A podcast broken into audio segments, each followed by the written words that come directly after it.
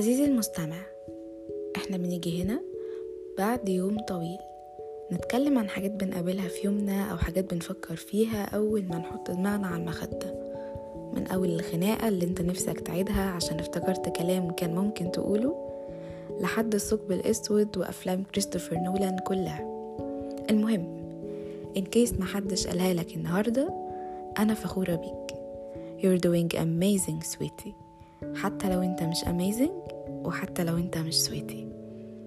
أنا معاك ونسمع علي وإحنا هنا بعد يوم طويل.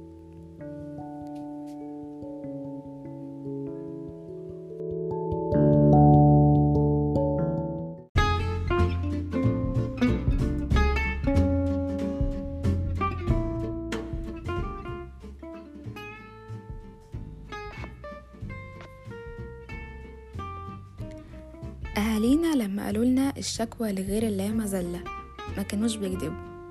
مش عشان حاجة بس عشان في زماننا ده محدش قادر يسمع حد بيندب حظه أو بيشتكي ليل نهار كل واحد مسحول في حياته وفي اللي مكفيه وعايز اللي يحلله مشاكله. طبعا كلامي مش معناه إن إحنا منفضفضش مع القريبين مننا ونكتم جوانا. لكن في نوع من الناس بيكون دائم الشكوى بشكل مرضي وده حقيقي حاجة صعب إن أي حد يتحملها. وعشان ما بقاش بجيب كلام من دماغي علم النفس بيقول لنا إن فعلا في ثلاث أنواع من الشكوى. النوع الأول هو ال chronic complaining أو الشكوى المزمنة أو المرضية. ودول الناس اللي لسه كنت بتكلم عنهم مفيش حاجة بتعجبهم. دايما بيبصوا للمشاكل اللي تعكن عليهم أي حاجة حلوة. ولما تيجي تقدم لهم حلول مش هيقتنعوا بيها لأنهم عايزين يفضلوا يشتكوا. بيلاقوا نفسهم في حتة النكد يعني. طبعا الأفضل ليك إنك تتجنب النوع ده من الناس. النوع التاني هو الفنتنج أو الفضفضة. وأكشلي الفضفضة ممكن يبقى ليها شكلين. في ناس فعلا بتفضفض معاك وهي عايزة تلاقي حل أو بتستشيرك أو بيكفيها بس إن أنت سمعتها وطبطبت عليها. في نوع تاني بقى بيكون عايز attention أو validation. عايز يحس إن هو موجود وعنده مواضيع دايما يحكي فيها. بيستمد قيمته من حواراته يعني. النوع ده غالبا مش بيعجبه الحلول اللي انت هتقولها له. النوع الثالث بقى وهو النوع الأقرب لقلبي هو الإنسترومنتال complaining أو الشكوى المفيدة. ودي الناس اللي مش بتبص على المشكلة لكن بتبص مباشرة على أثر المشكلة وبيكون هدفها الأول هو إنها تلاقي حل. ودول بيمثلوا خمسة وعشرين في المية بس من الشكوى أو من الناس اللي بتشتكي يعني للأسف.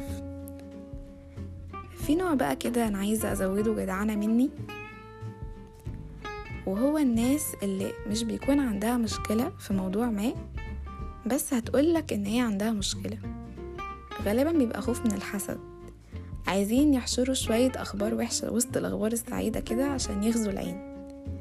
الناس دي بصراحة بتضحكني جدا وبرضه الأفضل إن إحنا نتجنبها. أصل مش ناقصين يعني.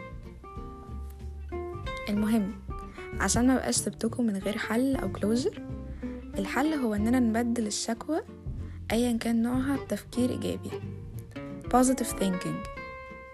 عشان زي ما الفنان ماجد الكدواني العظيم قال أنا عايزك تروق وتهدى وما تقرفناش معاك لأن إحنا أساسا قرفانين ومخنوقين.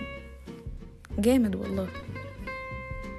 مش هتبقى انت والرأس المالية علينا. كفاية حاجة واحدة. المهم نرجع لل positive thinking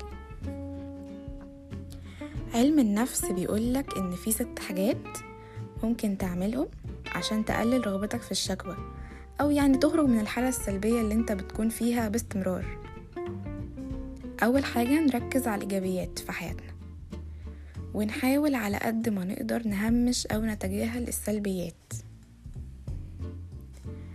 وده هيحصل من خلال تاني خطوة وهي إننا نعدد النعم أو الحاجات الحلوة اللي في حياتنا ونشكر ربنا عليها. بالذات الحاجات المعتادة اللي بنكون واخدينها for granted زي الهواء والمية والسرير الدافي والبيت الأكل. تالت حاجة بقى الفشة العايمة. زي ما سمعت كده. يمكن تكون دي حاجة بديهية بالنسبة للناس الفرفوشة الجميلة بس في ناس فعلا عندها فوبيا من الضحك والهزار اللي هي الناس عشاق ضيق التنفس. أنا شخصيا لما بقعد مع ناس كده ببقى عايزة يعني أولع في نفسي وفيهم وفي المكان. أصل إحنا مش قاعدين في اجتماع الأمم المتحدة عشان ما نهزرش يعني يعني يخرب بيت الكاريزما اللي بتبقى منع الفرحة تخش التاكس. ليه يا جماعة كده؟ side note كده يعني إن الضحك بيطول العمر برضو. ف why not رابع حاجة بقى إننا ننقي كويس قوي عايزين ندخل مين دايرتنا؟ ننقي صحابنا يعني. ما ينفعش أبقى مثلا محاطة بناس شكاية بكاية دايما؟ وأجي أسأل نفسي هو أنا ليه بقيت كئيبة كده؟ أو هو أنا انطفيت ليه؟ أظن الإجابة هتكون واضحة. خامس حاجة هي الحوار الداخلي أو السلف توك الكلام اللي بنقوله لنفسنا. هل بقول لنفسي كلام يهد فيها ويقلل منها ولا بشجع نفسي وبقول لنفسي أنا كويس ويجي مني؟ لازم نركز جدا بنقول لنفسنا إيه وبنعرض نفسنا لإيه. في زمن إحنا دايما ماسكين الموبايل فيه ونتعرض لمية حاجة في اليوم. سواء بقى صحاب حاجات بنقرأها حاجات بنسمعها كل ده هيساهم في تشكيل الصوت الداخلي. آخر حاجة بقى إننا نشوف الحاجات السلبية اللي في حياتنا ونحاول نغيرها سواء على المدى القصير أو المدى الطويل. ونحدد أولوياتنا بحيث إن إحنا نقلل من الاسترس آه عايزة أقول إن كلامي ده مش معناه إننا نفضل بوزيتيف 24 ساعة ودايما بنضحك ودايما بنهزر. مفيش حاجة اسمها كده. مش هتعمل يعني زي طه حسين وما تقولش الحلاق إن السائل اللي كان بيحطه في عينه ده كان مطلع عين اللي جابوه عشان بس ما يبقاش شكاء بكاء لأ. طبعا لازم يبقى في مساحة من الفضفضة بس الناس أنا عارفة إنها تساعدني فعلا أو هتقلل همي. بحيث إن ألاقي حل وفي نفس الوقت ما شايلش حد شيلة مش شيلته. ففي النهاية ده مش خطاب تشجيعي ابدا على إن يلا نكون positive كل يوم ويلا دايما نكون بنضحك. وابدأ يومك بسعادة وحدد أهدافك واعمل to do list لا خالص. ولكن هي دعوة للوسطية. وإن كل حاجة نعملها بس باعتدال. دمتم بخير. قريبين من السعادة. بعيدين عن الشكوى. ونتقابل تاني بعد يوم طويل.